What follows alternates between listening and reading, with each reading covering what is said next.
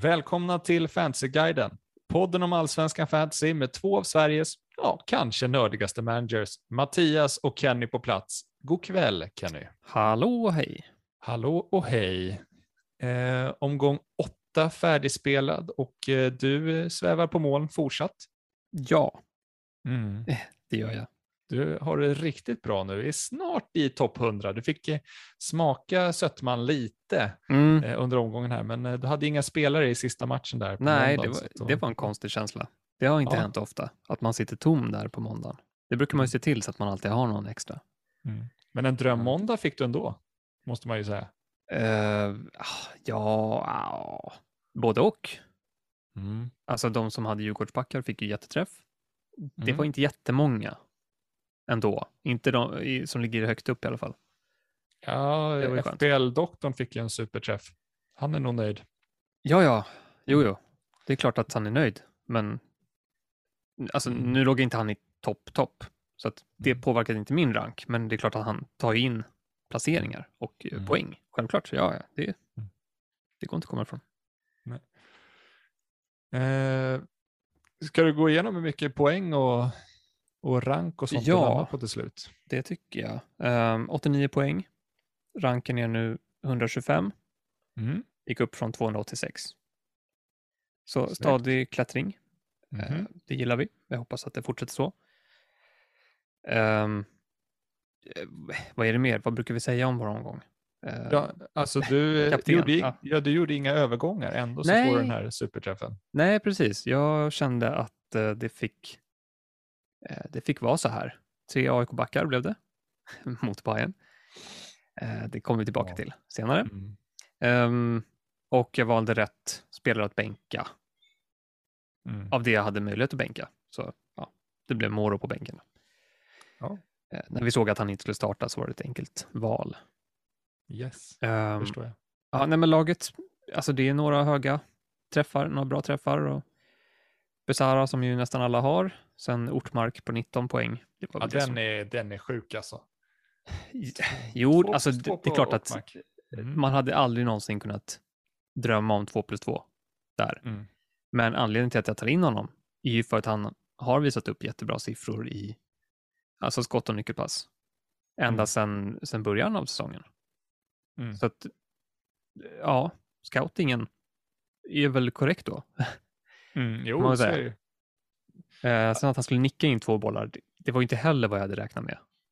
Mm, nej, Men tack för det, Sundsvallsförsvaret. Som, Alltså är inte den här omgången en lite så här déjà vu på omgång tre? För att jag tänker, Ludvigsson gjorde väl ett liknande nickmål mot eh, Mjällby hemma va? Och sen så gjorde Ortmark liknande nickmål mot eh, BK Häcken. Jag tror att det var omgång tre eller fyra där. Ehm, ja, säger du det så jag, jag glömmer snabbt bort det där. mm. Men eh, ja, möjligt. Nej, omgång fyra var det för Norrköping Häcken. Ja, Ja. Skit, skitsamma, eh, det var liknande mål som jag kände igen sedan tidigare. Eh, ja, nej men sen misslyckades jag med Carl Gustafsson. Jag tänkte att han skulle komma in och plocka tre poäng. Det gjorde han inte. Han plockade bara en poäng, så Nej, det är jag besviken på. mm. Eh, stannade på 7 RB, B och B. R, nu, nu rör jag ihop det här. Vi säger def, defensiva aktioner, det blir bra. Ja, DA. Sju sådana och eh, en nyckelpass. Så det, ja, surt. Mm. Men sen så var det Jeremejeff och Nyman framåt då. Det är de som de, Kapten de har Nyman. levererat. Ja, Mm. Där Ja, blir man lite- för det. lite besviken ändå när man såg. Det fanns ju bud på mer, Mm. helt klart. Men man ska inte klaga. Det fanns ju Mm. de som hade kaptensbindeln på Norrköpingsbackar istället. Mm. Ja, just det. Ja, aj. Aid och... Ja, det såg ju bra ut länge, men nej, Mm. den, den sved. Yllet Duppa löste det där. Ja, ehm, som sagt, vi kommer tillbaka till AIK-försvaret eh, senare, men ehm, nio poäng på tre AIK-backar, ja, det var precis vad jag hade förväntat mig. Ja. ja. Så, ja, Skapligt ändå tycker jag. ja. Nej, men jag är nöjd. Jag är nöjd. Mm. Och mest nöjd får jag väl säga att jag är med ja, alltså Jeremejeff Nyman som levererar konstant sen de kom in i mitt lag. Ja, det är häftigt faktiskt. Vilken träff du har fått på dem. Och- Vilken bra utdelning. Ja, och som jag sa, Ortmark då som eh, välscoutad Mm. och det gick hem till slut. Får vi se om det kommer några fler gånger. Det tror jag faktiskt. Mm. Eh, Snyggt. jag är lite missnöjd på Opta också. Får jag säga det? Ja, ja, det gjorde jag förra veckan, så det är okej. Ja, jag har varit ganska snäll mot Opta hittills, men nej, när man blandar ihop spelare, då, då går jag igång. Är det Abdurrahman och Otieno eller? Ja, alltså först fick ju, de la ju assisten fel. Mm. Eh, Det är ju under all kritik, såklart. Det skickades in och rättades Mm. ganska snabbt. Eh, Men de missar ju helt eh, nyckelpassen. Fram till, nu fick han faktiskt nyckelpassen till assisten där. Mm. Men det var en annan också till eh, inlägg till Bahoui som de har missat. Aha. Och hela den sekvensen, det, det bestod ju av att Otieno tog bollen från en Bayern-spelare på mittplan, drev upp den, slog ett inlägg. Bahoui nickade. Mm. Enligt Opta så är det trippel A som har tagit bollen på mittplan, drivit upp den, slagit inlägg, fått nyckelpass. Så nej, Ah. jag tycker det är för dåligt. Bara, det är så här, det är en poäng, fine, det gör inte så mycket. Men Mm. sluta blanda ihop spelare. Alltså, är det så svårt att se skillnad på, på de två? De borde kunna rätta till det. Mm. Det kommer de kanske göra också, men det är för sent. Mm, jag förstår. Så, rant over. Nu R- rant går vi over. vidare. Ja. Bra, ska jag ta min omgång då? Mm. Eh, Jag får ju ganska bra träff också. Jag kaptenar den eh, ja, men bästa spelaren att sätta kaptensbindeln på den här omgången, Jonathan Levi. Herregud, Levi. Och det fanns bud på mer, om man säger så. Det fanns det i och för sig för flera Norrköpingsspelare. Men eh, 86 poäng får jag. Jag gick ju minus fyra för jag gjorde två övergångar. Jag var tvungen för att eh, hela mitt lag är i en sjukstuga. Eh, Hadzikadunic och Nordfeldt gick ut, plockade in Eid och Han och eh, nollorna ryker båda i andra halvlek där. Eh, tråkigt, hade velat behålla i alla fall Göteborgs, hade varit väldigt fina att ha där. Mwah, mwah, mwah. Ja, ja, kul. Eh, men jag är jättenöjd med Levi och eh, Campos, äntligen. Nu händer det någonting där. Plockar offensiv bonus och ja, men, eh, fixar en assist till ett självmål. Men alltid något liksom. Eh, äntligen har jag fått någonting där. Eh, jag är lite besviken på min klättring. Jag klättrade 300 poäng, eller 300 placeringar bara, eh, trots eh, 82 poäng netto, som är ganska långt över average. Eh, missnöjd är jag med min eh, defensiva bonus, för det får jag typ ingen alls. Det är aid som löser det, annars är det väldigt, väldigt tunt. Sotte, hallå? Eh, så Ja. långt ifrån, jättelångt ifrån. Jag är, Persson har jag inte så höga krav på, men Viktor Larsson som är, kom till spel och som har varit väldigt fin på defensiva bonus innan det här. Eh, liksom, han gjorde ett inhopp på 16 minuter, men då tar han fyra DA. Liksom. Ja. Nej, men nu på en hel liksom, 80 minuter tar han sex stycken bara. Jaha, okej. Så han har tappat det helt såklart, nu när han äntligen får spela. Men jag får ju en nolla där. Eh, Ja, och det ska jag alltså- vara väldigt nöjd med. Jag tror att det finns, hur många tror du fick en nolla för Värnamo den här omgången? Nej, det var, det var Larsson. Ja, jag menar hur många managers tror du har fått en nolla? Nej, är Startat inte- Larsson. Ja, nej, det är inte många. Det var ju Nitinho också, han fick ju sin nolla också. Just det. Och Men oavsett, jag ser att det, det är fyra stycken i topp 1000 som hade Viktor Larsson. Mm. Eh, Ja, det är trevligt. Ja. Kul att få gratis nollor. De tar vi. Men eh, annars är jag missnöjd med att, alltså att Milosevic och Otieno löser de här liksom fyra och fem poängen trots att de släpper in tre mål. Skulle varit sex poäng. Ja, på Otieno då. Ja. Ja, ja, ja. ja. Skulle, skulle hit, skulle Mm. dit. Milosevic ska inte ha en ass. Samtidigt blir jag av med straffmålet då, så att eh, Ja. det gäller att... Eh, man, Ja. man får väl vara nöjd ändå, även om det svider liksom. Du pratade ju om där att jag skulle ta in Milosevic istället för Aid inför den här. Ja, precis. Och det hade jag ju faktiskt tjänat på, helt Ja. sjukt. Och hade haft försvar nu i, ja, nej. Ja, då hade du suttit lugnt eh, på den posten i några veckor framöver. Mm, verkligen. ett, ja, Men det hade låst mig från en möjlighet som jag kommer utnyttja nu inför kommande omgång. ooh.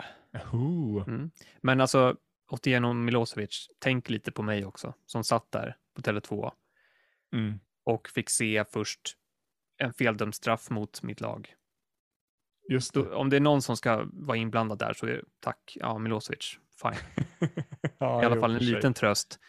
Mm. Och AIK kvitterar med ett par minuter kvar. Mm. Ja, då är det väl okej. att om någonting är okej då så är det att Otieno får en assist. I alla fall.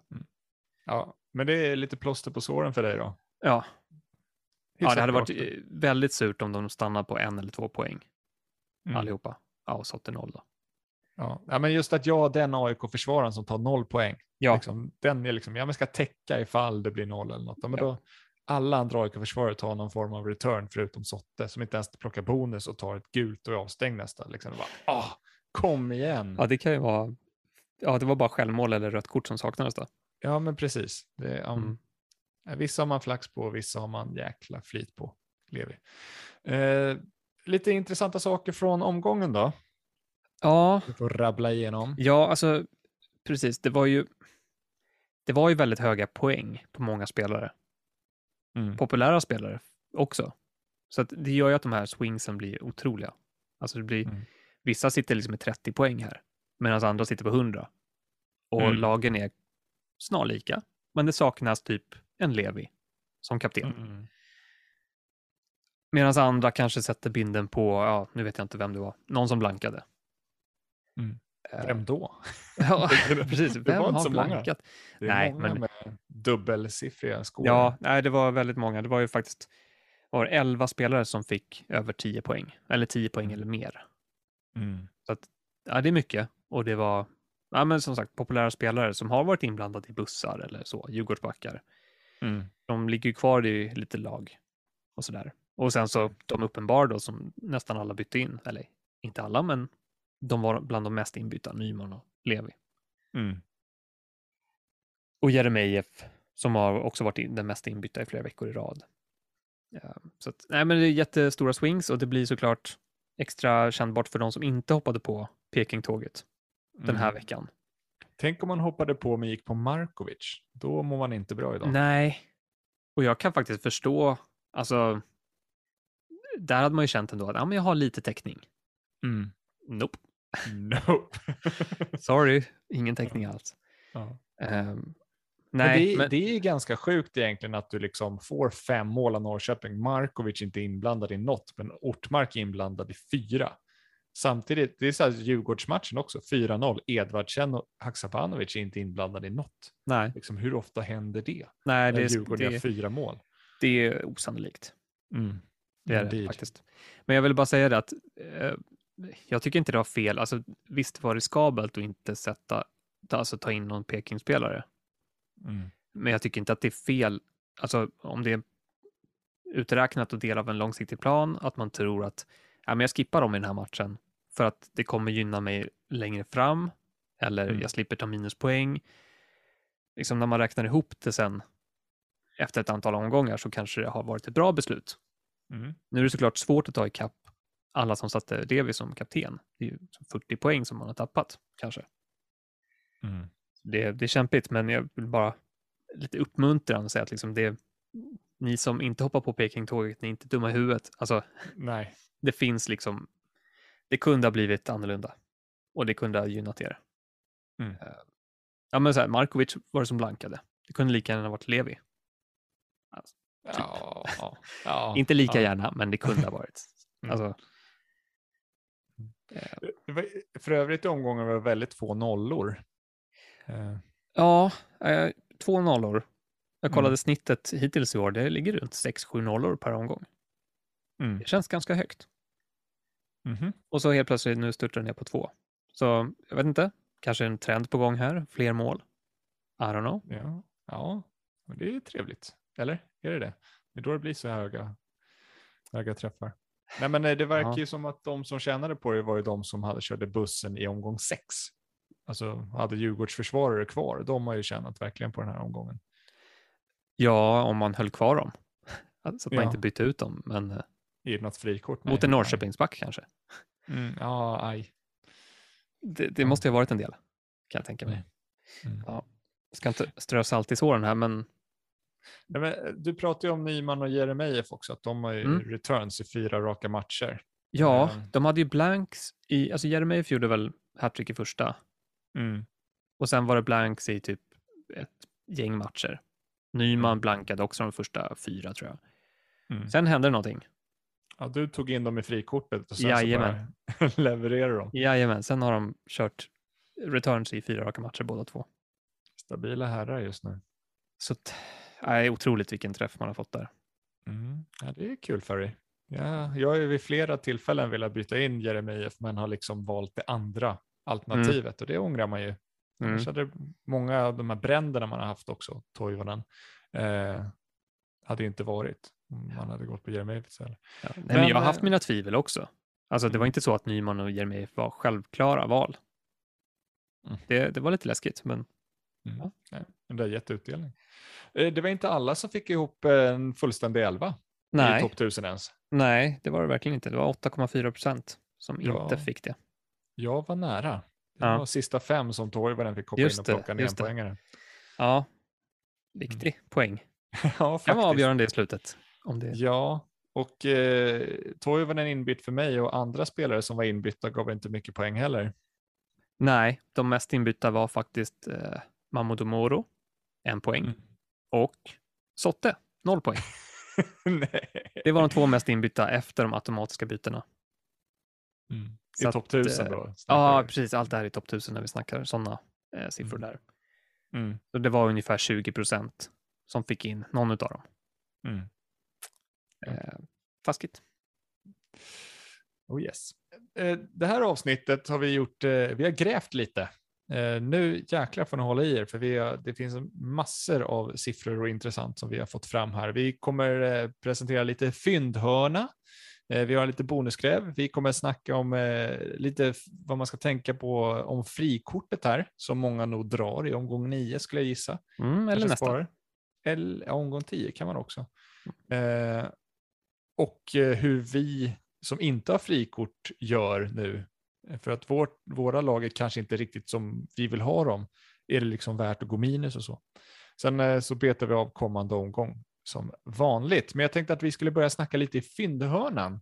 Eh, där jag har varit och kika lite och då kollar man på de billigaste spelarna i varje priskategori som faktiskt får bra med speltid och som har någon form av styrka.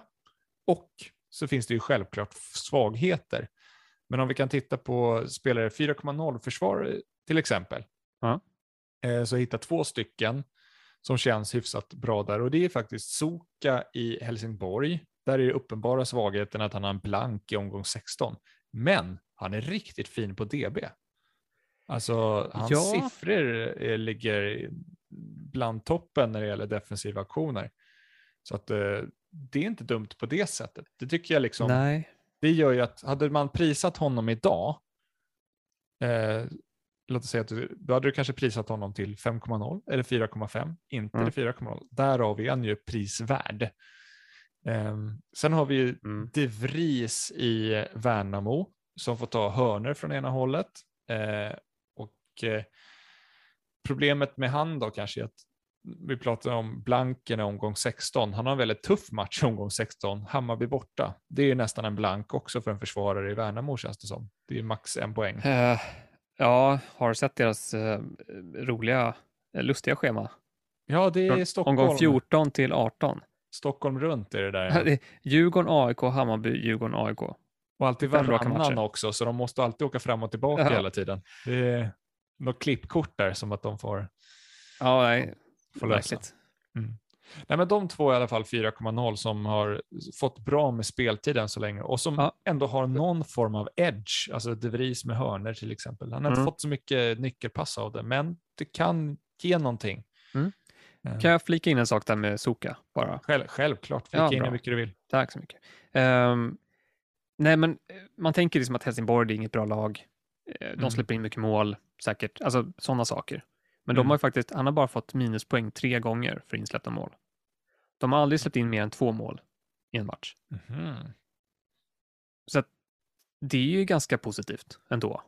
Mm. Eh, De där DB-poängen han tjänar ihop, de liksom försvinner inte för att de släpper in en massa mål. Mm. Än i alla fall, vi får väl se hur det ser ut framöver. Men, men det är positivt. Nej, det, Mm. Ja. Ja, men jag är intressant bara att, eh, som sagt, det finns som alternativ. Vill man byta in ett frikort? Mm. Ja, alltså det beror på vilken taktik man vill ha i det där. Eh, det blir svårt att byta ut sen och de kommer inte spela, eller just Soka spelar inte omgång 16, men man kanske löser det på annat sätt. Jag vet inte. Nej. Eh, då vet ni det om försvararna. Om vi tittar på de billigaste mittfältarna då. Vi pratar alltså 4,5 mittfältare. Och då har vi Ejopi som också har den här blanken i omgång 16. Eh, men han har ju också styrka med att han plockar bra med defensiva bonus. Ehm, och eh, han, liten svaghet också är att han tar en hel del gula kort. Så att lite de emot varann. Ja, en liten styrka skulle väl kunna vara. Han är ju ganska lång. Ganska, eh, han Tänker på fasta typ. Ja, Han hade Han något har läge. han har ett okej distansskott också. Det är inte Mm. otänkbart att det skulle kunna hända någonting där, men, men ja, han är i alla fall med på fasta. Eh, Rosengren har vi i eh, Mjällby och eh, där en styrka jag ser vid han är att han får ju ta en del fasta nu när löken är borta. Han har även tagit fasta när löken har varit på plan. Sen Mm. kan det vara att löken har haft känning. Eh, men det är från ena hållet då. Och, eh, men, svagheten är absolut att han plockar inga defensiva bonus i stort sett. Svagt underlag för det. Ja, och det är lite tråkigt. Men Mjällby känns som ett hyfsat stabilt lag defensivt, så du kan även få poäng för nollorna där. Ja. Ehm, så det är en fördel.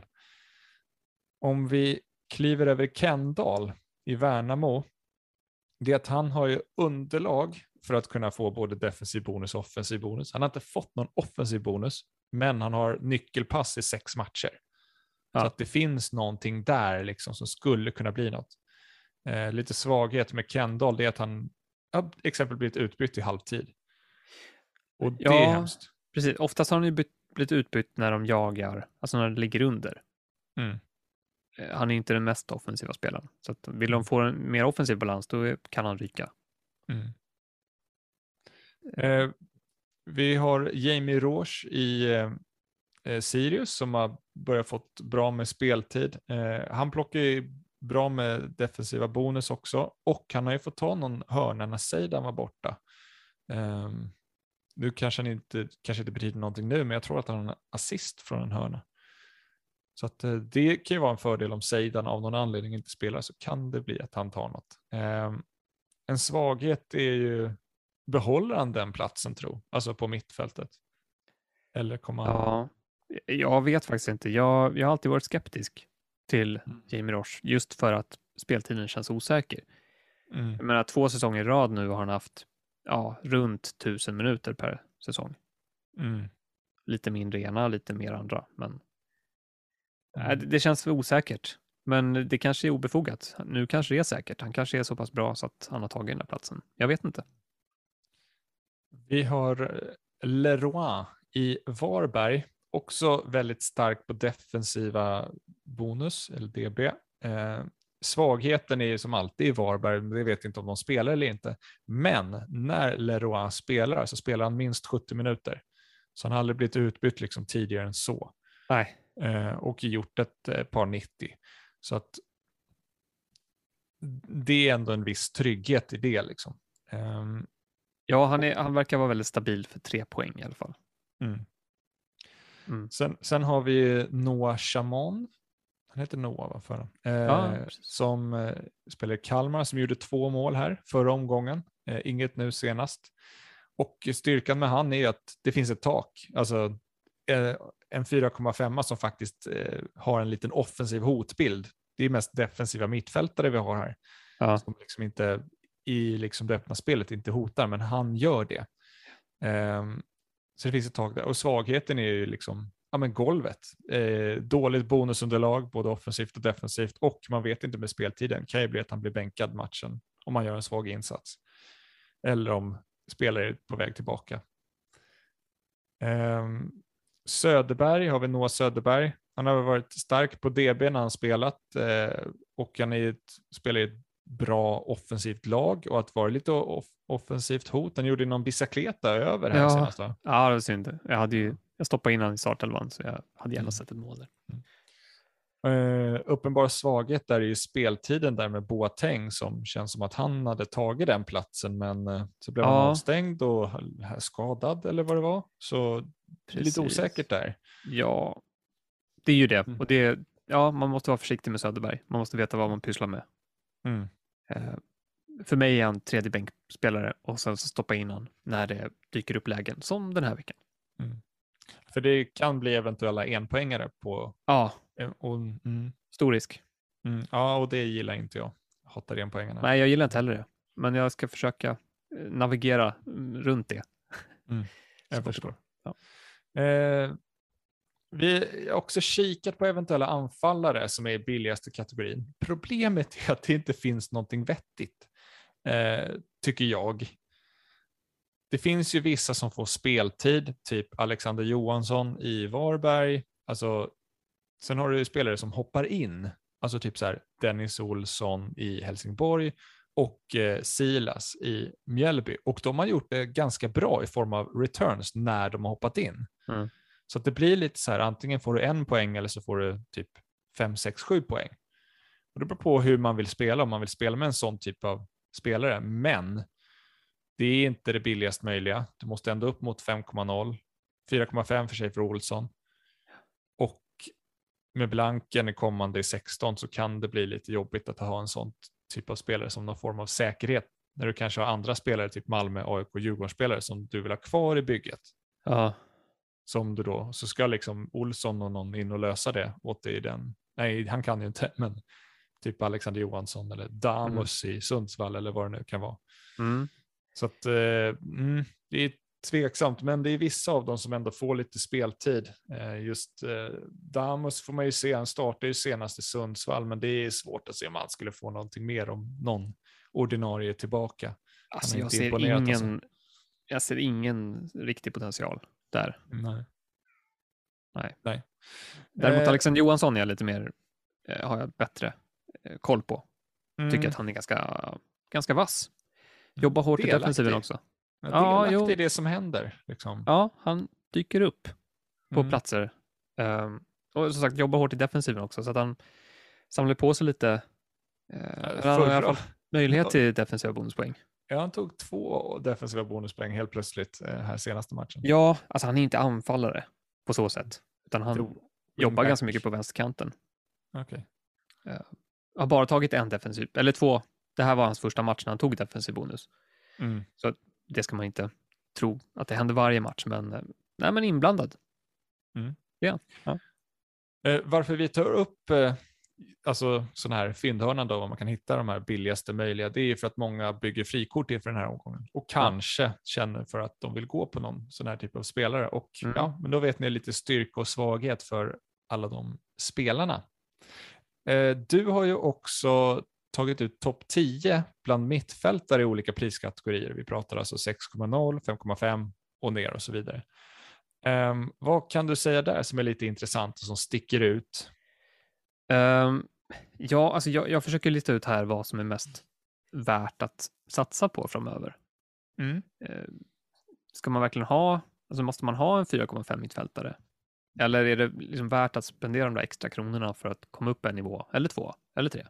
Mm. Ehm, så jag tittade på de tio bästa från varje priskategori.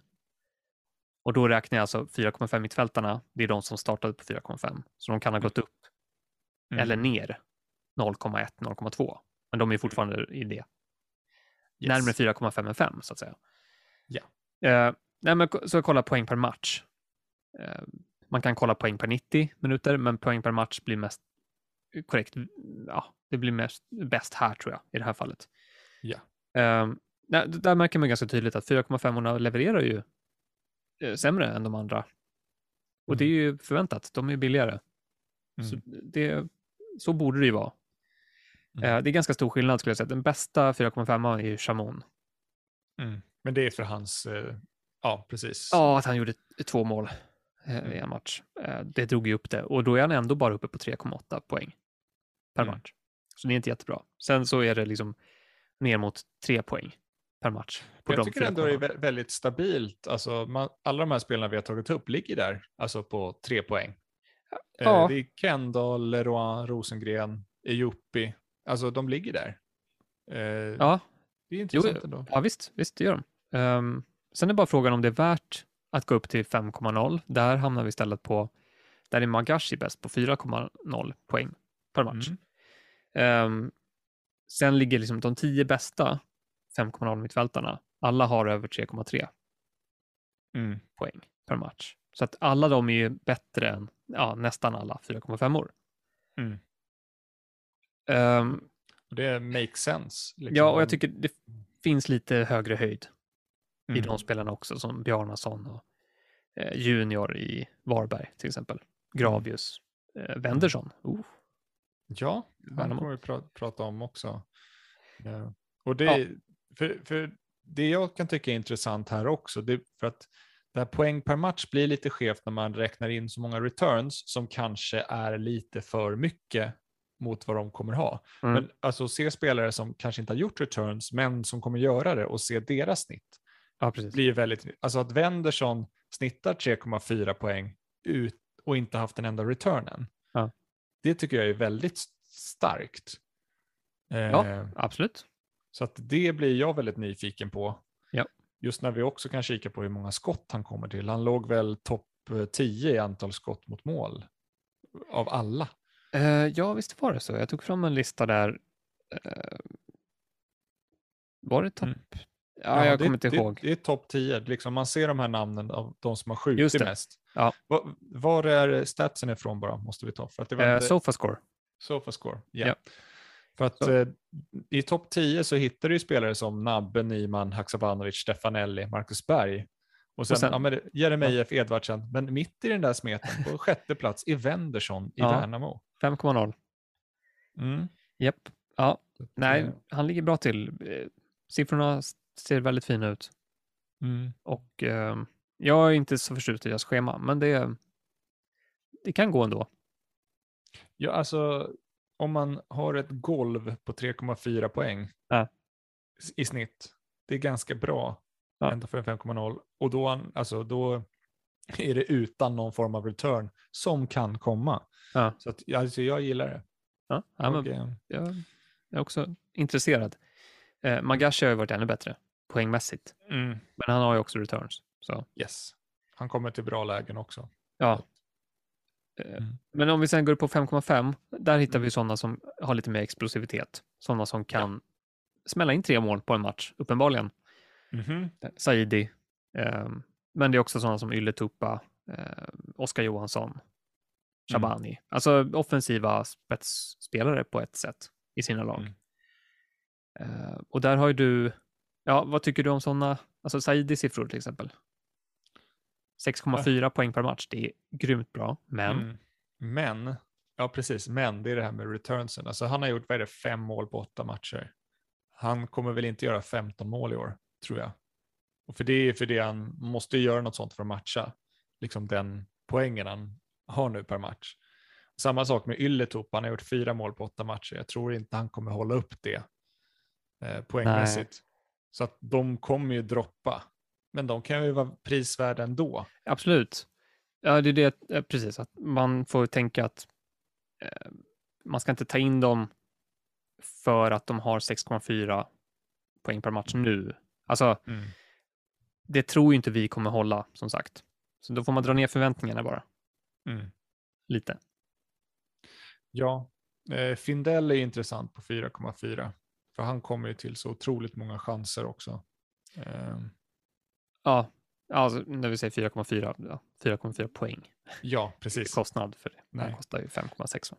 Mm, 4,4 poäng per match. Ja. Väldigt Eh, stabil siffra. Ja, nej men så jag gillar den här 5,5-kategorin också. Det finns många eh, stabila alternativ, men det finns också explosivitet. Mm. Och eh, där ja, får man hitta någonting som man, som man gillar. Sen går man upp på 6,0. Där är det ganska tunt. Det finns inte så många. Väldigt tunt. Du.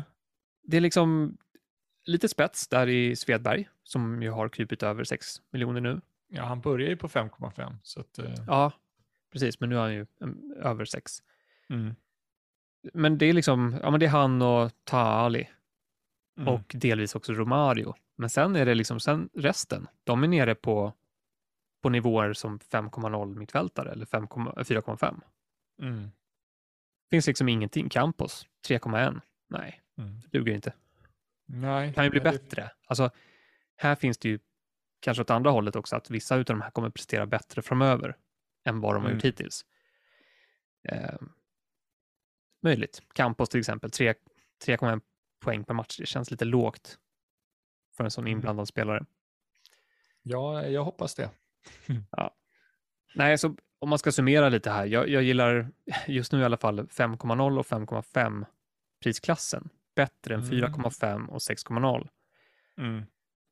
Och alltså jag skulle vara mycket mer benägen att starta de här 5,0 och 5,5 mittfältarna i enstaka matcher. Mm. När man har lite tufft att få ihop ett lag. Liksom. Då kanske man inte måste göra den där extra transfern som man hade blivit sugen att göra om man hade valet mellan att göra en extra transfer eller spela 4,5 mittfältarna. Ja, alltså jag, jag tycker det finns vissa 5,0 som man ändå skulle kunna spela i fördelaktiga matcher. Alltså, Ja, alltså Wendersson exempelvis eller Magashi för någon bra match där. Ja, verkligen. verkligen. Eh, för deras golv är så pass bra så att får du 3-4 poäng utan return så gör det inte så mycket och sen så kan Nej. det, alltså Wendersson har ju en offensiv position, han är ju vänsterytter. Mm. När jag såg matchen senast mot Mjällby. Så att, Mm. och han missar ju ett jätteläge då. Eh, så det borde komma någon form av träff där från honom tror jag. Eh, ja, nej, men så jag gillar 5,0, 5,5 däromkring. Mm. Och sen är frågan då, eh, he- hela liksom grejen med budgetspelare, det brukar ju, behovet för de spelarna brukar ju minska ju längre säsongen går, känner jag. Mm. Mm. Och vad beror det på då? Ehm, jo, alltså dels, vi vet mer om spelarna nu Mm. än vad vi visste inför säsongen. Mm. Då, då liksom behövde man ta några säkra kort, betala lite extra ehm, och sen ha en billig mittfältare tills man liksom listar ut vad vägen framåt är. Mm. Ehm, sorry. Så ja, vi vet mer om spelarna nu och det är lättare att kanske plocka ut vissa mid-price-alternativ som till och med kan matcha premiumspelare Mm. på ett sätt, vilket gör att man får råd med mycket mer Mm. eh, och kan välja de här lite dyrare budgetmittfältarna om man säger så. Eh, vad mer? Premiumspelarna kan vi gå in på. De, de kanske inte är värda sitt pris och då märker vi att ja, men, vi kommer inte behöva dem. Vi kommer liksom Mm. inte ha en plan för att ta in dem. Vi kommer inte behöva spendera de pengarna. Då har vi råd att sprida ut pengarna mer. Mm. Också en anledning till att vi inte kanske behöver gå på de där 4,5 längre, Mm. Ja. känner jag. Eh, Ja, ja, möjligt. Alltså jag, jag tänker så här också, det blir alltid så att man hittar ju någon form av budgetspelare som slår igenom som man sen går på. Alltså jag tänker Matthews förra året, alltså De Brito. Det blir ju spelare som ändå blir väldigt populära. Eile har blivit det nu till exempel. Mm. Eh, och det är väl kanske det du menar också, att då, blir det, alltså det är bra val vilket frigör pengar till övriga truppen. Ja. Men samtidigt från förra året så, alltså prissättningen har blivit annorlunda. Så att förra året kunde man sitta på en 4,5 målvakt och en 4,0 målvakt.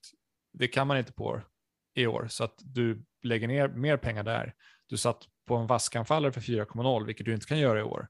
Så att jämfört med förra året så har du ju tappat ja, men minst en miljon Ja. i hur du kan göra med truppen. Så det, det blir ju lite mer värt på det sättet kan jag tycka. Du själv sitter ju faktiskt på en 4,5 och en 5,0. Ja, det Hur gör jag. känner du för det? Uh, no, det är okej, känner jag just nu, men det är inte optimalt. Ehm, skulle jag göra om, alltså skulle jag ha ett nytt frikort nu, Mm. så kanske jag hade gjort lite annorlunda. Mm. Ehm, så kan man väl säga. Nej, men, Ja. eh, sen en annan grej som du, du säger, eh, i alla, alla fall för er då, som har spelat buss och sånt, så är det ju skönt. Ni behöver inte låsa pengar i vissa lagdelar på det sättet nu. Nej, nej Det går- precis. Det går Eh. att vaska lite vad man vill. Liksom. Ja, ja, men man var ju, skulle man spela bussen, då var det ju bra att man hade pengarna där redan, ganska tidigt. Eller i alla fall en plan för hur man skulle få dit pengarna förr eller senare. Och då behövdes det budgetspelare på andra platser. Nu slipper vi det, vi som har spelat bussen i alla fall. Du måste tänka på det, fast längre fram då. Mm. Så att, eh, nej, då, då blir det lättare. Jag tycker att det finns ju många ganska bra, alltså b- försvarare kan man ju hitta helt okej, billiga Mm. också. Mm. Eh, Så det kanske är bättre att välja en 4,0 back då i De Vries än Mm. en 4,5 mittfältare om man ska som, ha som tredje bänkplats typ. Mm. Eh, ja. nej, det var väl lite, ja, lite orsaker där till att varför kanske budgetspelarna inte längre är lika viktiga. Men vi får väl se. Mm. Framförallt att det finns ju inte några som lockar verkligen av de där 4,5orna. Nej, 4,5 kanske inte, men 5,0 tycker jag att det kittlar lite. Eh, vi kommer in och pratar om eh, någonting som jag döpt till hotbild, offensiv bonus och defensiv bonus. Och det betyder alltså spelare som eh, har underlag för att kunna plocka båda två. Alltså du kan få, de kan få defensiva bonus under matchen och de kan få offensiva bonus under matchen. För det blir lätt att man när man går in och tittar till exempel i appen eller på hemsidan och liksom kollar bonus så går det in på den som har fått mest offensiva bonus eller den som har fått mest defensiva bonus. Och det kan ju vara spelare som tar liksom off, åtta offensiva men sen noll defensiva. Ja. Och det är lika bra som en som tar fyra av varje. Ehm, och det kanske är bättre att ha en som kan ta lite av både och. Eh, så att därför har jag gjort ett litet gräv på vilka spelare det är som är duktiga på att ta av, av båda sorter. Just för att det är någonting som kan missas. Eh, och kikar vi bland försvarare då, så är det faktiskt bara en spelare som har tagit bra med bonus i båda riktningar, som är billigare. Jag har tagit spelare som är, skulle klassificeras som budget här. Och eh, Davidsen, eh, Ja. som har tagit eh, sex offensiva tror jag och fem defensiva. Mm. Eh, alltså att han har sex Det- offensiva är väldigt imponerande. Ja, verkligen.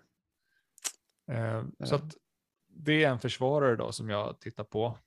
Annars så är det ju de flesta försvararna tar ju mest defensiva bonus.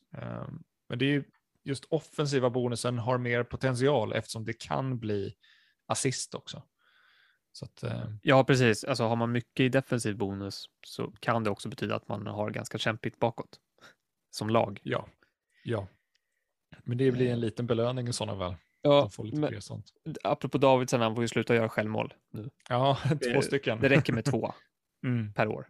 ja. Han har nått sin kvot, tycker jag. Mm. Det är Väl någon i Premier League som har gjort fem stycken på något år. Jag hoppas han inte Ja, han får kämpa på för att nå upp till det. Eh, bland mittfältare så finns det en hel del som eh, är duktiga på att plocka båda sorter. Vi har ju Römer som är ett bonusmonster. Jag tror han kostar 5,4 nu i Elfsborg. Han har Ja. fyra offensiva men han har tio defensiva. Han är ganska överlägsen när det gäller defensiva bonus bland mittfältare av alla. Ehm, så att eh, vill man gå på en sån spelare kan man göra det. Ja, Eh, verkligen. så det är 14 bonus på alltså åtta matcher. Det är nästan två per match. Ja, och, Frågan är, är han straffskytt eller inte? Efter ja, den där och det missen också. Det förut. också. Så att det, det finns ju en, eh, kan finnas en otrolig edge med honom om han skulle få ta och sätta den. Eh, Hampus Findell känner vi alla till eh, och han är ju väldigt fint då, också i båda riktningar. När Junior får spela i Varberg så ser det bra ut för honom också i båda riktningar. Japp. Eh, och sen har vi ju två spelare som vi har nämnt i Värnamo, Wendersson och Magashi. Wendersson har ju tagit fyra offensiva och fyra defensiva. Ehm, och jag har liksom kollat mest på spelare som har tagit alltså, någon sorts bonus minst varannan match. Ja. Ehm, så att uh, um, Wendersson och Magashi har ju missat en match. Men, eh, så de har ju verkligen underlag för att eh, ja, plocka bonus i båda riktningar. Och Magashi har ju faktiskt nyckelpass i varje match. Så att det finns alltid någonting där. Det är Ja. jäkligt trevligt. Alltså, nu snackar vi, ja, i och för sig 5,5, men en som ligger precis bakom Wendersson på 4 plus 3 bonus, det är ju Oskar Johansson. Ja, han är bra också. Ja, han kostar ju sagt 5,5 så det är lite dyrare. Mm. Men där finns det ju ännu mer hot. Det är både lite frisparkar och Mm. eh, ja, fasta och han, han är ett hot. Mm. bra hot. Jag jag vet att en hel del satt ju på Abdulrazak i början och började byta ut honom. Han eh, faktiskt i någon hotbild för att ta båda bonus också. Han har sex Ja. defensiva och tre offensiva. Så att det är ganska bra. Samma är det för Gravius, men det kände vi till eh, sen tidigare. Ja. Tre offensiva, sex defensiva. Eh, det finns bara en anfallare som hotar om båda. Du kan ju gissa vem det är. Eller det vet du. Eh, ja, alltså, eller ja. Stefanelli är ju Mm. bra på det. Han är inte anfallare, alltså nu är han inte anfallare på planen, men han är det i spelet.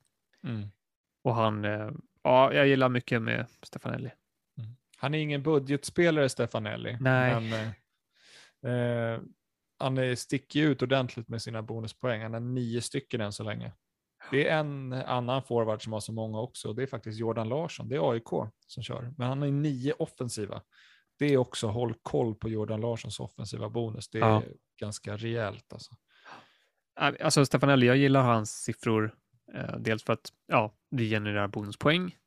Men han Mm. är också, alltså han är sjua totalt i hela allsvenskan på skott plus nyckelpass. Mm. 39 stycken. Samma som Levi. Så, Eh, mm. Bättre än Jeremejeff, bättre än Edvardsen. Mm. Eh, ja, så att väldigt fina siffror och med det här Kan- fina schemat kan det hända saker.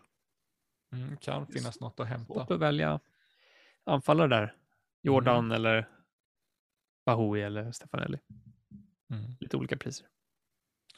Ja, eh, en liten sån här bubblare bland anfallare som verkar vara hyfsad på bonus, det är faktiskt Paka, alltså Karlsson Lagemyr i Sirius, som har tagit tre offensiva bonus på, jag vet inte om han har spelat fyra matcher bara. Ehm, han har ju fått ta hörner från ena sidan. Just det. Och det är väl det som är underlaget då, men det är ändå imponerande att han liksom skrapar ihop nyckelpassen hela tiden. Och jag vet ju att vissa kikar på sådana här budget eh, i form av Jansson eller Wilhelmsson som kommer. Ja. Paka kör ju lite offensiva bonus på det, så att om man vill gå den Ja. riktningen, jag vet inte. Ja, det, det läskiga med han är ju att han har ju redan vilat två matcher. Mm, Alltså vilat. mm, Det har liksom inte varit så här skada eller något annat så, utan bara han behöver ta det lite lugnt. Han behöver inte, ska inte slita ut sig med nej. tanke på hans historik och sådär. Mm. Så får se hur länge det fortsätter. Och han får ju inte 90 minuter heller. Så. Men Ja, nej, men där hade ni en liten genomgång om eh, lite bonuspoäng. De som är duktiga på att plocka båda sorter och är av det lite billigare slaget, i alla fall mittfältare och försvarare. Vi ska börja snacka frikort nu, för att det är en hel del som förmodligen drar den här omgången, eller kanske kommande. Och eh, viktigt att tänka på då är kanske schemat eh, för eh, samtliga lag som man kanske vill in och pilla i. Och eh, AIK har ju ett väldigt trevligt schema. Det tror jag inte någon har missat.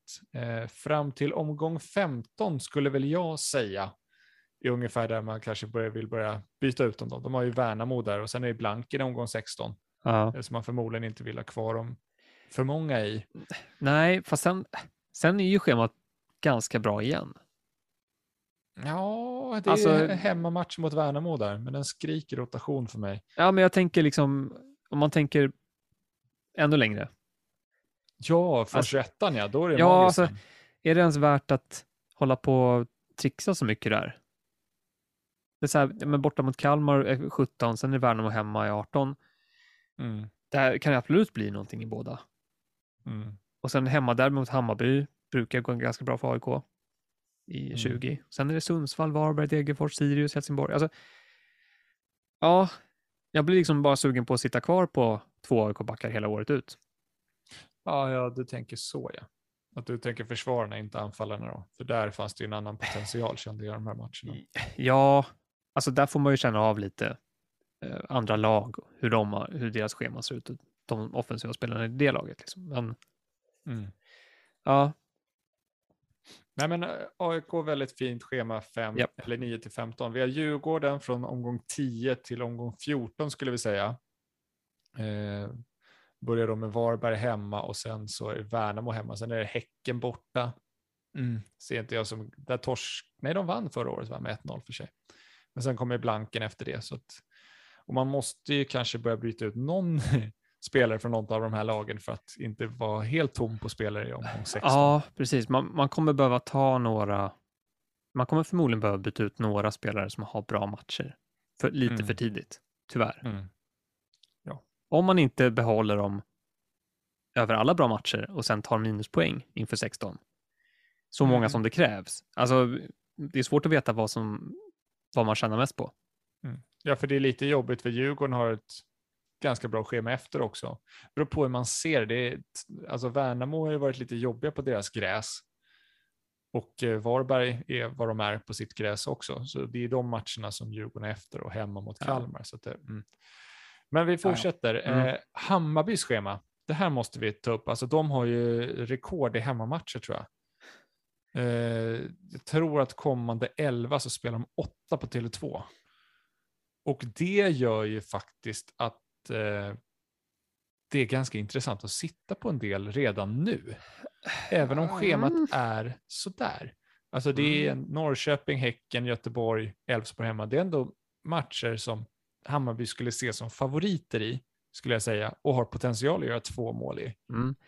Och Ja. sen behöver man inte göra massa övergångar när de kommer in i guldschemat med, med Värnamo hemma, Sundsvall hemma och Degerfors hemma. Nej, precis. Alltså, för mig är ju Hammarby på hemmaplan. Då spelar det nästan ingen roll vilka de möter. Det finns bra möjligheter på offensiva returns hela tiden. Mm. Mm. Så där är jag inte alls rädd. Att, alltså, att motståndet är Norrköping, Häcken, Göteborg, Mm. Elfsborg, de kommande fyra hemmamatcherna. Det är helt lugnt för mig. Mm. Man kanske inte behöver trippla upp offensiven, men i alla fall, det är fullt rimligt att sitta kvar under den perioden. Mm. Men desto svårare, vilka ska man välja? Ja, det är det. Selman är inte aktuell längre och Ludvigsson kostar mycket och han Ja, kommer ju inte till många Mm. målchanser. Han har ju faktiskt de tre målen han har gjort har varit från fasta situationer. Tre nej, precis. Och Svedberg och Diaz kanske blir sålda ganska snart. Mm. Ja, nej, det, det är inte lätt att pricka rätt, så att Mm. det blir en utmaning framöver. Elfsborg har väl OK-schema kanske här i, i början bara. Ja, de har det väl tufft skulle jag säga, de första matcherna. Det, Du det är- svänger helt här. Ja. Nej, det är Ehm, Gö- Göteborg hemma känns de lite som favorit och sen Varberg hemma i omgång 11. Men Norrköping borta, Häcken borta. Lite jämnare matcher, men sen blir AIK Hammarby och väldigt tufft. ja, att, mm, alltså, ja, för mig är det så här, jag tar inte in någon Elfsborgsspelare nu tror jag. Nej. Men jag kanske inte heller skulle skyndat mig att byta ut dem. Så något däremellan. Göteborg har ju från omgång 10 till omgång 12 har ju de väldigt fint. Alltså det är Sundsvall hemma, Sirius borta, Degerfors hemma. Här är- kommer ju Ja. folk hoppa på Marcus Berg förmodligen. Ja, de som har råd. De Ja. som inte har råd kanske tar minus fyra för att lyckas med det. Mm. Eh, Det är ett alternativ. Norrköping har inte jättekul schema här nu efter, så att eh, alla som hoppar på liksom Levi och Nyman nu, ja, det kan bli lite tufft, kanske. De har ändå lite räddningsplanka då, schemamässigt i omgång 12 eh, och 13. Sirius hemma, Degerfors borta, som känns lite, mm, det är lite mysigt. Ja, Degerfors borta förra året var väl ingen höjdare för Norrköping va? Nej, just det, då blev de väl överkörda. Ja, att, men eh, ja, vi får se vad Degerfors bjuder på denna gång. Eh, Kalmar då? Där är det svåra med Oliver Berg. Behålla, byta ut för att eh, omgång 11 till 13 är ju fint eh, för Kalmar. mm, verkligen. Men det är frågan om han är kvar då. Eh, omgång Ja, just det. 11 skulle han vara det förmodligen kanske. Ehm, så det, det är lite lurigt. Annars är det jobbiga matcher på vägen dit. Och sen har vi Malmö då som har ett jätteschema från omgång 9 till 18. Men där skadorna är så brutalt många och man vet inte vad eller vilka som kommer att spela. Nej, precis. Och det är cupfinal. Mm. Ehm, Och vi kommer inte få några elver förrän i omgång 12. Då kommer vi få eh, ja, eventuellt Och- få tidiga Malmö elver. Så att Och Degerfors och viktigt. Helsingborg-matchen kan vara rökta här. Eh, Och, alltså för att det är, just Malmö är så himla svåra med, för att Kiese har ju pratat om att han skulle spela liksom mot Bayern.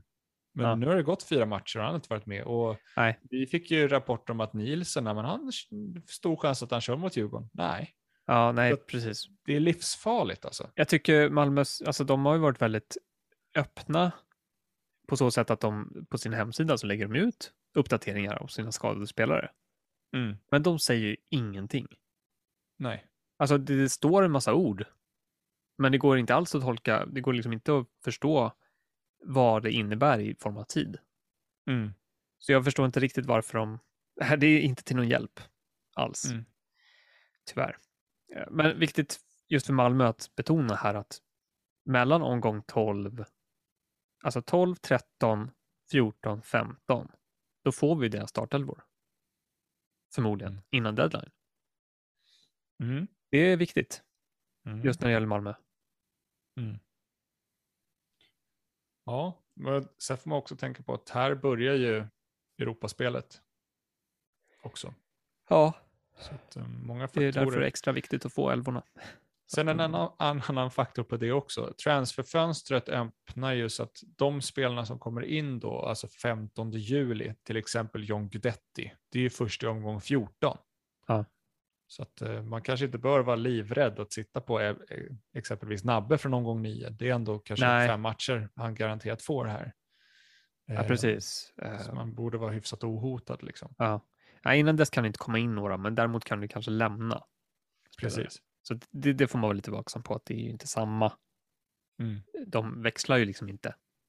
Det är inte så att man lämnar över stafett, stafettpinnen till den andra som kommer in. Nej. Jag tänker typ så här Jordan och eh, Guidetti. Det, kan Mm. ju, det behöver inte vara i samma omgång som de lappar över. Liksom. Eh, tre grejer bara att tänka på när man drar frikortet nu. Det är som sagt eh, inte för många spelare från de här lagen som blankar. Vi snackar AIK, Djurgården, Helsingborg, Malmö. Eh, då blir det jobbigt i omgång Ja. 16. Ja, hur många är för många då? Ja, det är svårt. Hur många fria transfers har man? Det är väl eh, sex stycken tror jag.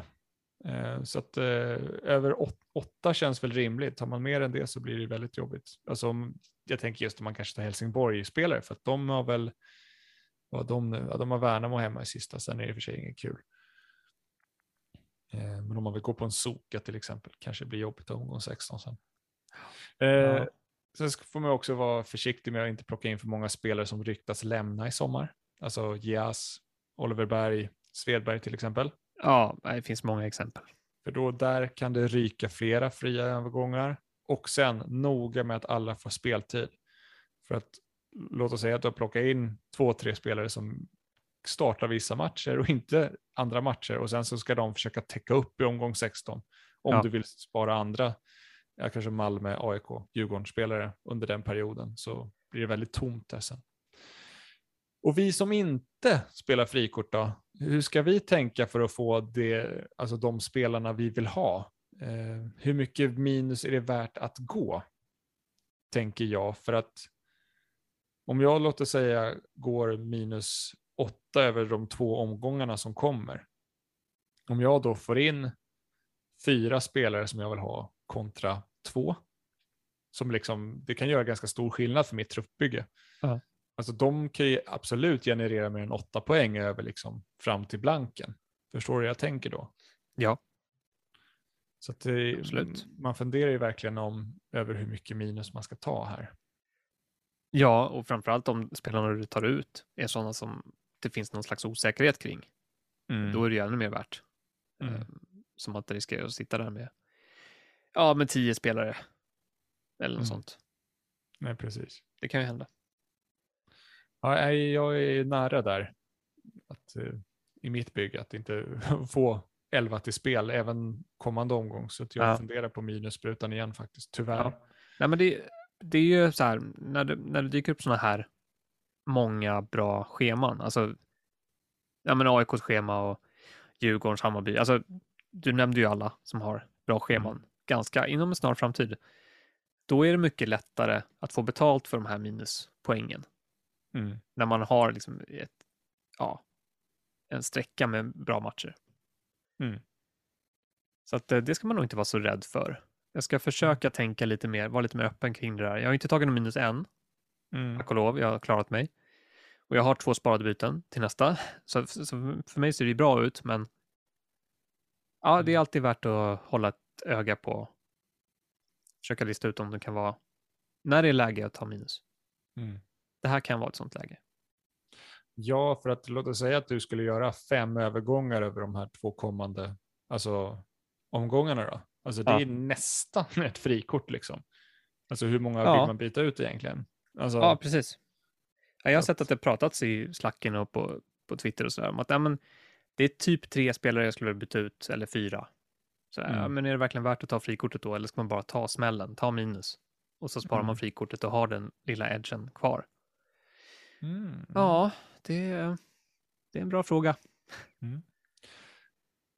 Eh, lite andra fun facts som jag bara vill ta upp, eller kanske lite, lite tankeställare, är AIK-defen. Många kommer sitta dubbelt eller trippelt.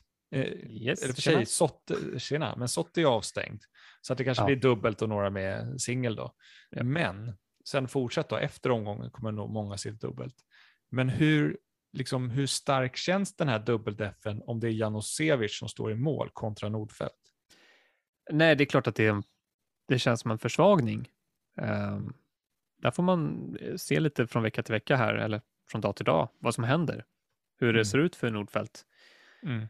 Om det ser ut, alltså jag kommer inte slänga ut AIK-backar enbart för att det är Janosevic som står. Mm. Han klarade det mot Malmö, höll nollan där. Mm. Eh, nej, så, så det ska inte vara det enda orsaken till att man tar ut dem. Men det, ja, helt klart att det känns som en liten försvagning. Ja, vi får, ni får väl hoppas att han inte ska spela kort och sånt i straffområdet. eh, För då, då kan det bli väldigt jobbigt att tappa de där nollorna. Ja, ja. Och frisparkar ska, ska de inte få emot sig heller tydligen. nej, nej, verkligen inte. De, Då smäller det. Nej, men det är det jag menar. Liksom. Han är inte samma kvalitet i mål. Nej. Uppenbarligen. Eh, det är en spelare vi måste ta upp.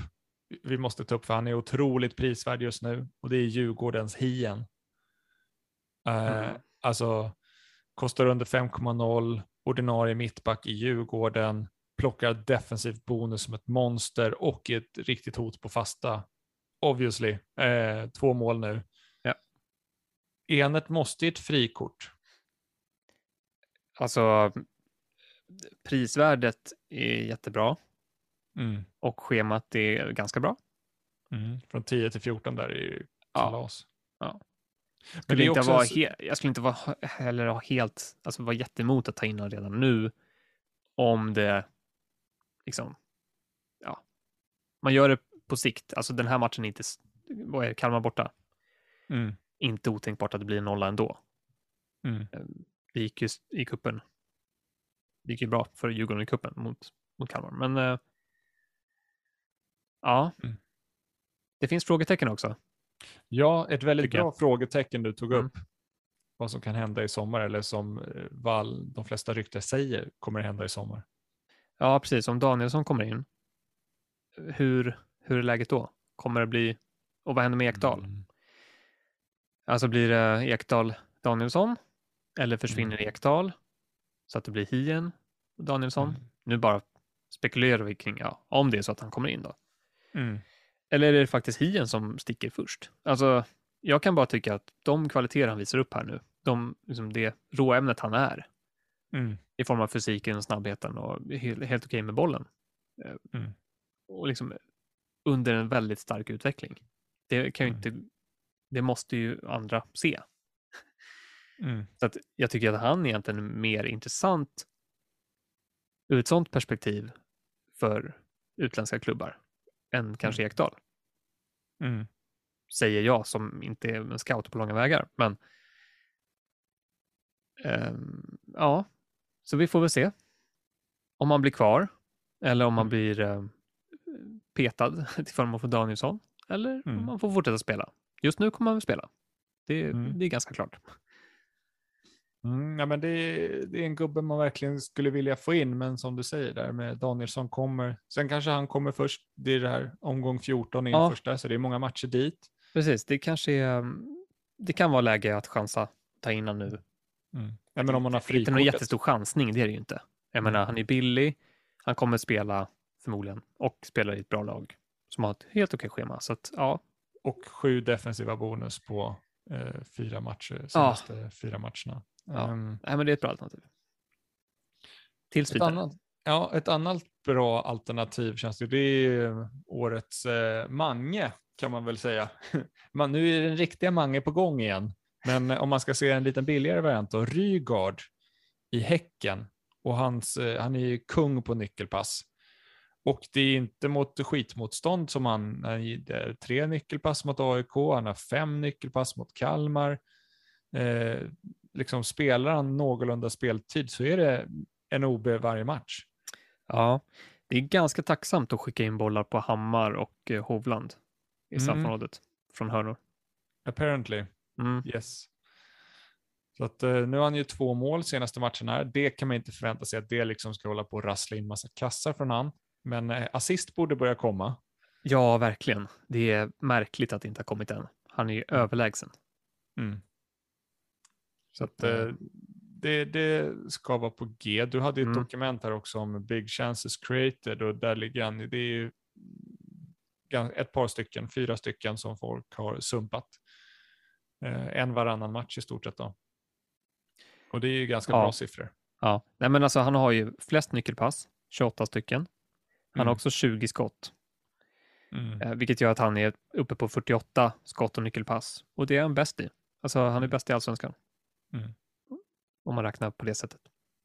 Sen får man ju tänka på att som du, även statistik som du har här, lite nackdel är att det är big chances missed, alltså det är noll. Ja, Det innebär att skottlägen Precis. han kommer till kanske Nej. inte är de allra bästa.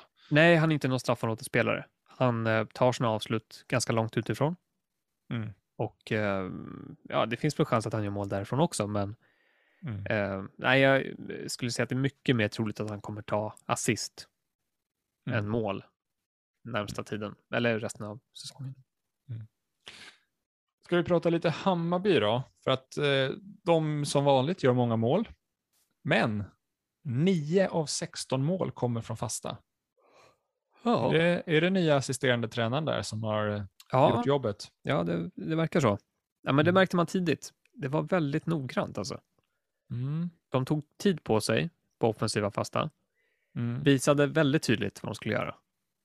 Det var liksom, nej, det, det såg ut väldigt inarbetat, noga, detaljerat. Och det har verkligen gett resultat.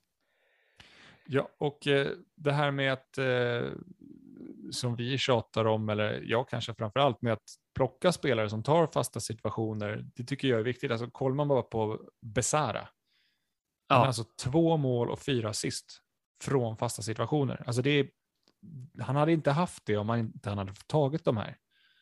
Det är det som är liksom själva poängen med att det ger en möjlighet, bara en potential bara att ha en spelare som tar fasta situationer. Ja.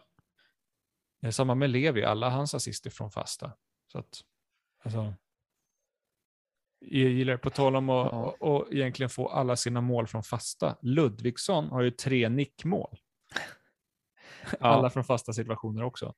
Ja jag Eh. tycker, ja, Ludvigsson alltså, han har underpresterat lite grann, Faktiskt. tycker Konstigt jag. Alltså, man, är, eller, man har varit så här, när man kollat han, hans nyckelpass har ju gått upp. Så han får Ja. ju massa offensiva bonus. Man tänker oj, men han kommer ju knappt till avslut. Liksom jämfört Nej. med tidigare. precis, det, det saknas någonting där. Och ehm, alltså det går ju bra för laget. Eh, Mm. och han gör nytta. Men han Mm. inte riktigt, det verkar inte vara samma poängspelare. Nej. Eller samma hot offensivt i öppet spel som tidigare. Mm. Så det är lite besvikelse. Och på tal om besvikelse så tycker jag ändå att så här, Oliver Berg, han har bara skjutit nio skott på åtta matcher. Vad är, vad är Ja. det? Liksom? Ja, det är svagt. Det hade jag inte förväntat mig. Jag hade hoppats på mer. Nu Mm. får vi se om man eh, rider ur, alltså behåller den här, han under de här matcherna som kommer och sen väntar ett fint schema Mm. om han är kvar i laget. Man löste ju off-bonusen senast. Det, det tyckte jag var viktigt. Eh, man vet att det finns någonting där. Ja, Men eh, absolut, det, man vill ju ha lite mer, alltså på något sätt är han ändå den ultimata fantasy-spelaren nu med Skrabb borta, att han tar alla fasta plus att han har straffarna. Ja. Eh, och är en off offensiv hotbild liksom. Men, ja, ja alltså det är inte till- bara fasta, det är, det är öppet spel, absolut. Mm, Så det är bara att Kalmar ska steppa upp lite. ja, Nej, jag är lite besviken, som sagt. Mm, För få skott. jag förstår det. Jag förstår det. Eh, hur tänker du inför kommande omgång då? Eh, funderar du kri- kring kapten kan vi börja. Var, eh, Eh, vart landar vi där? Eh, nu ska vi se, jag tar fram mitt lag här och ehm, alltså jag känner, bara en spontan tanke, närmsta tiden är att Besara kommer vara ett bra alternativ i alla Hammarbys hemmamatcher. Mm. Det är min känsla. Mm. Det Eh. skriver jag under på.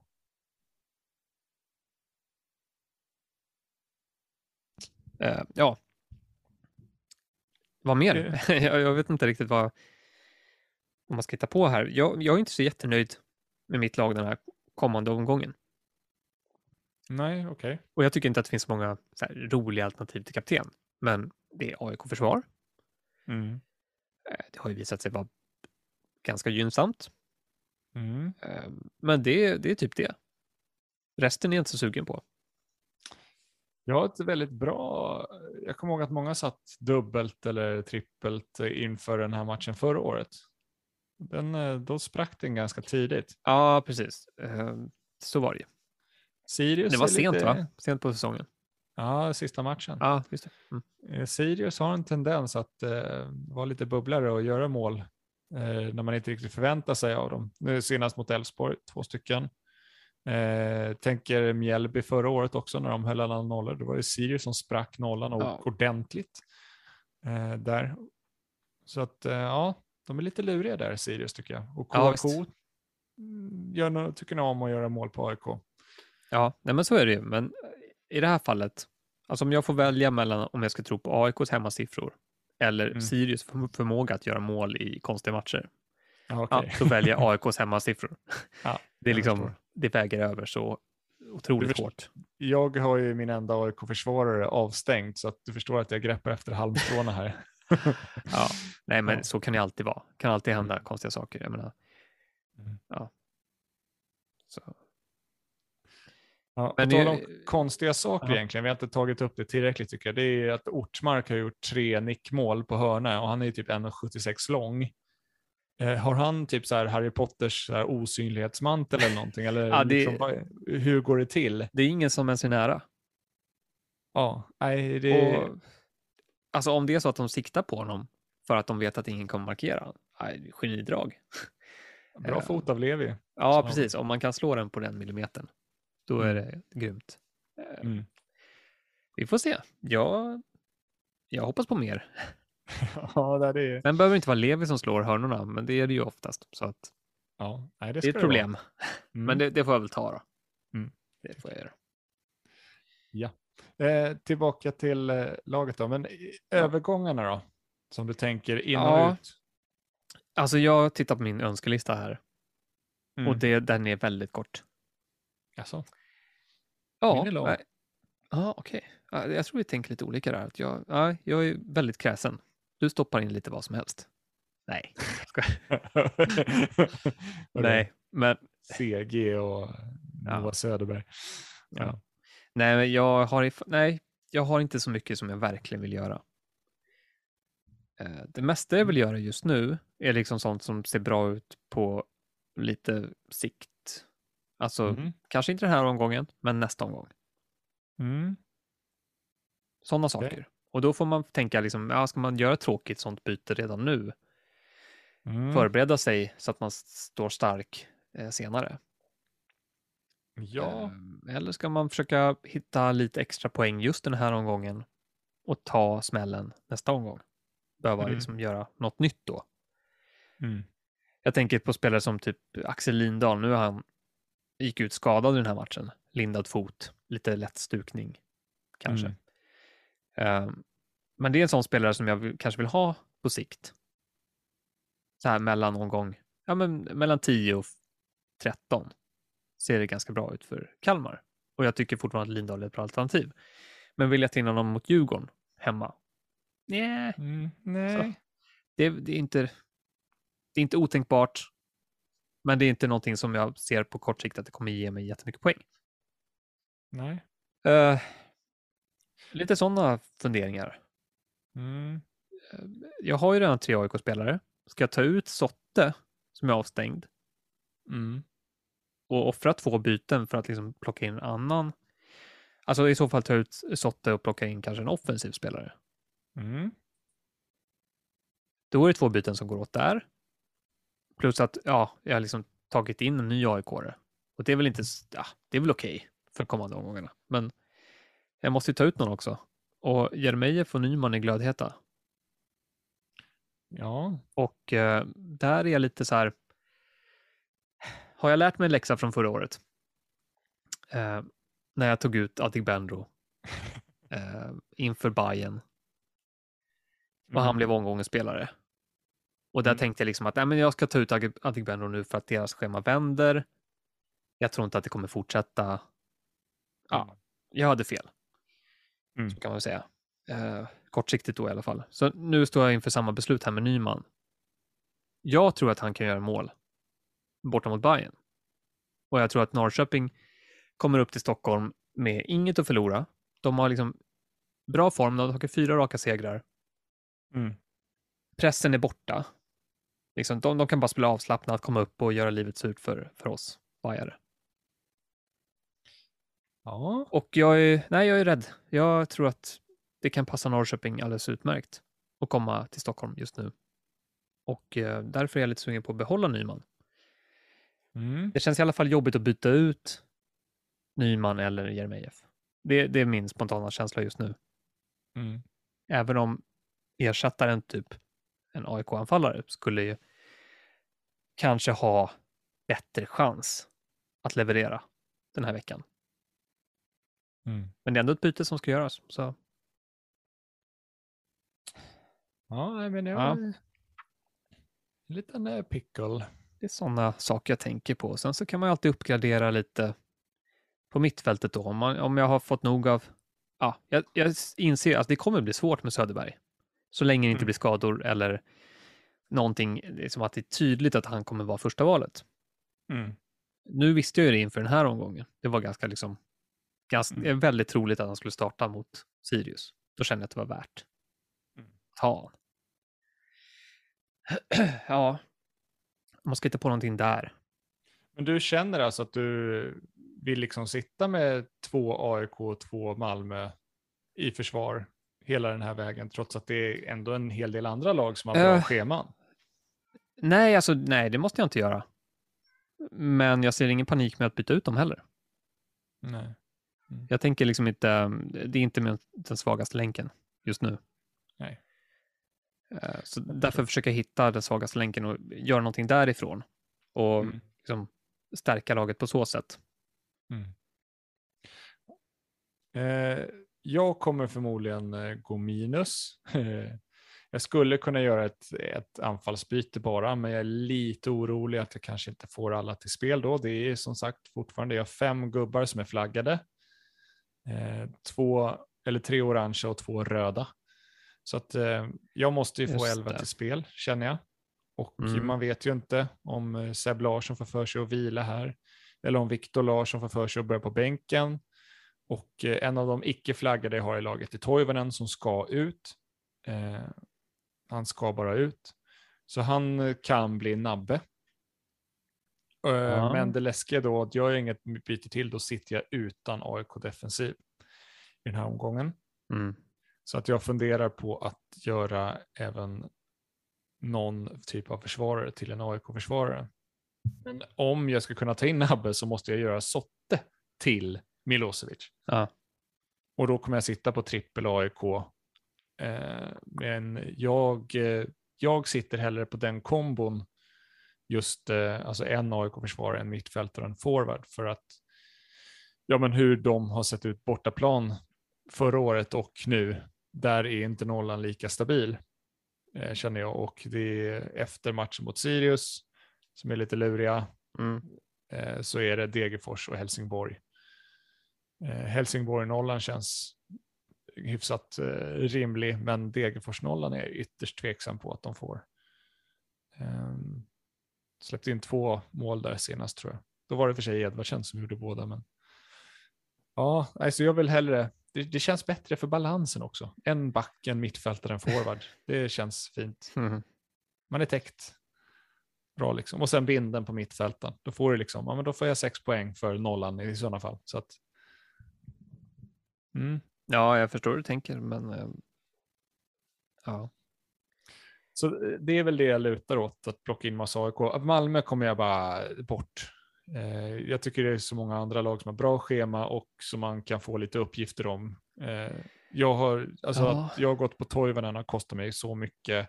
Mm. Nilsen har inte varit bra heller, även om det har påverkat många.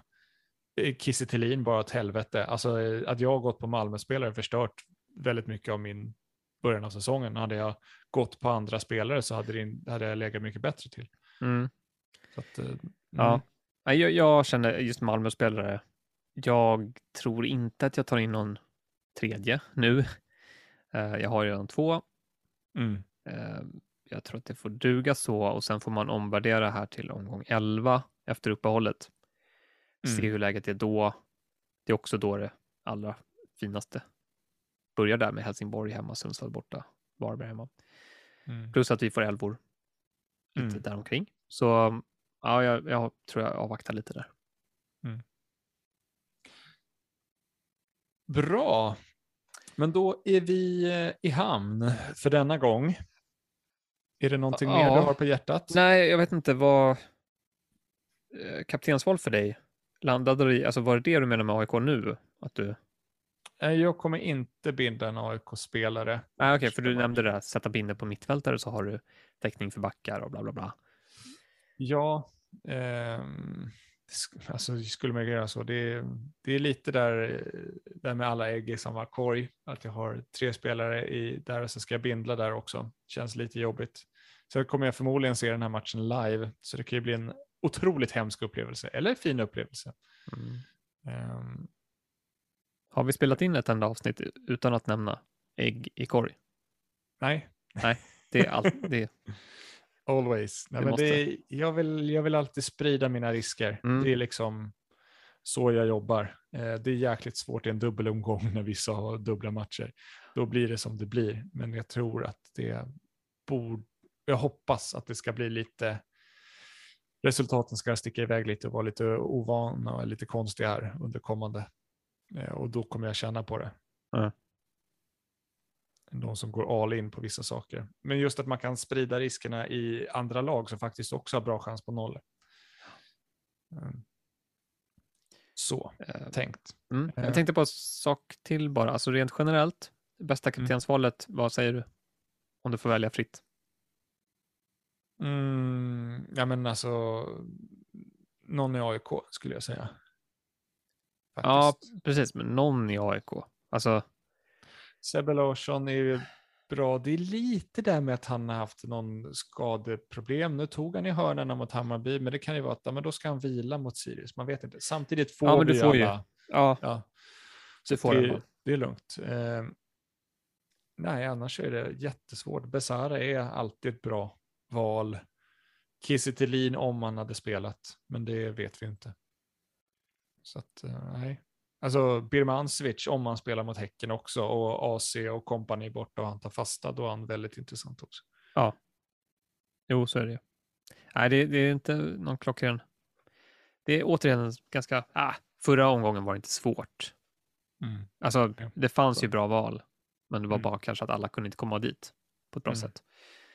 Eh, nu finns det ju i form av AIK-spelare som ganska många har, Mm. skulle jag tro, och, eh, och Besara. Mm. Eh, Nej, men min bindel är på Besara just nu. Ja. Eh, tycker jo, det det, har jag också just nu. Vi får se om det dyker upp något annat. Tveksamt. Ja. Det, mm. ja, men då så, Kenny. Ja. Tackar vi för denna gång och eh, Mm. lycka till framöver allihopa. Eh, så hörs vi nästa vecka. Ja, det gör vi. Ja. じゃあ。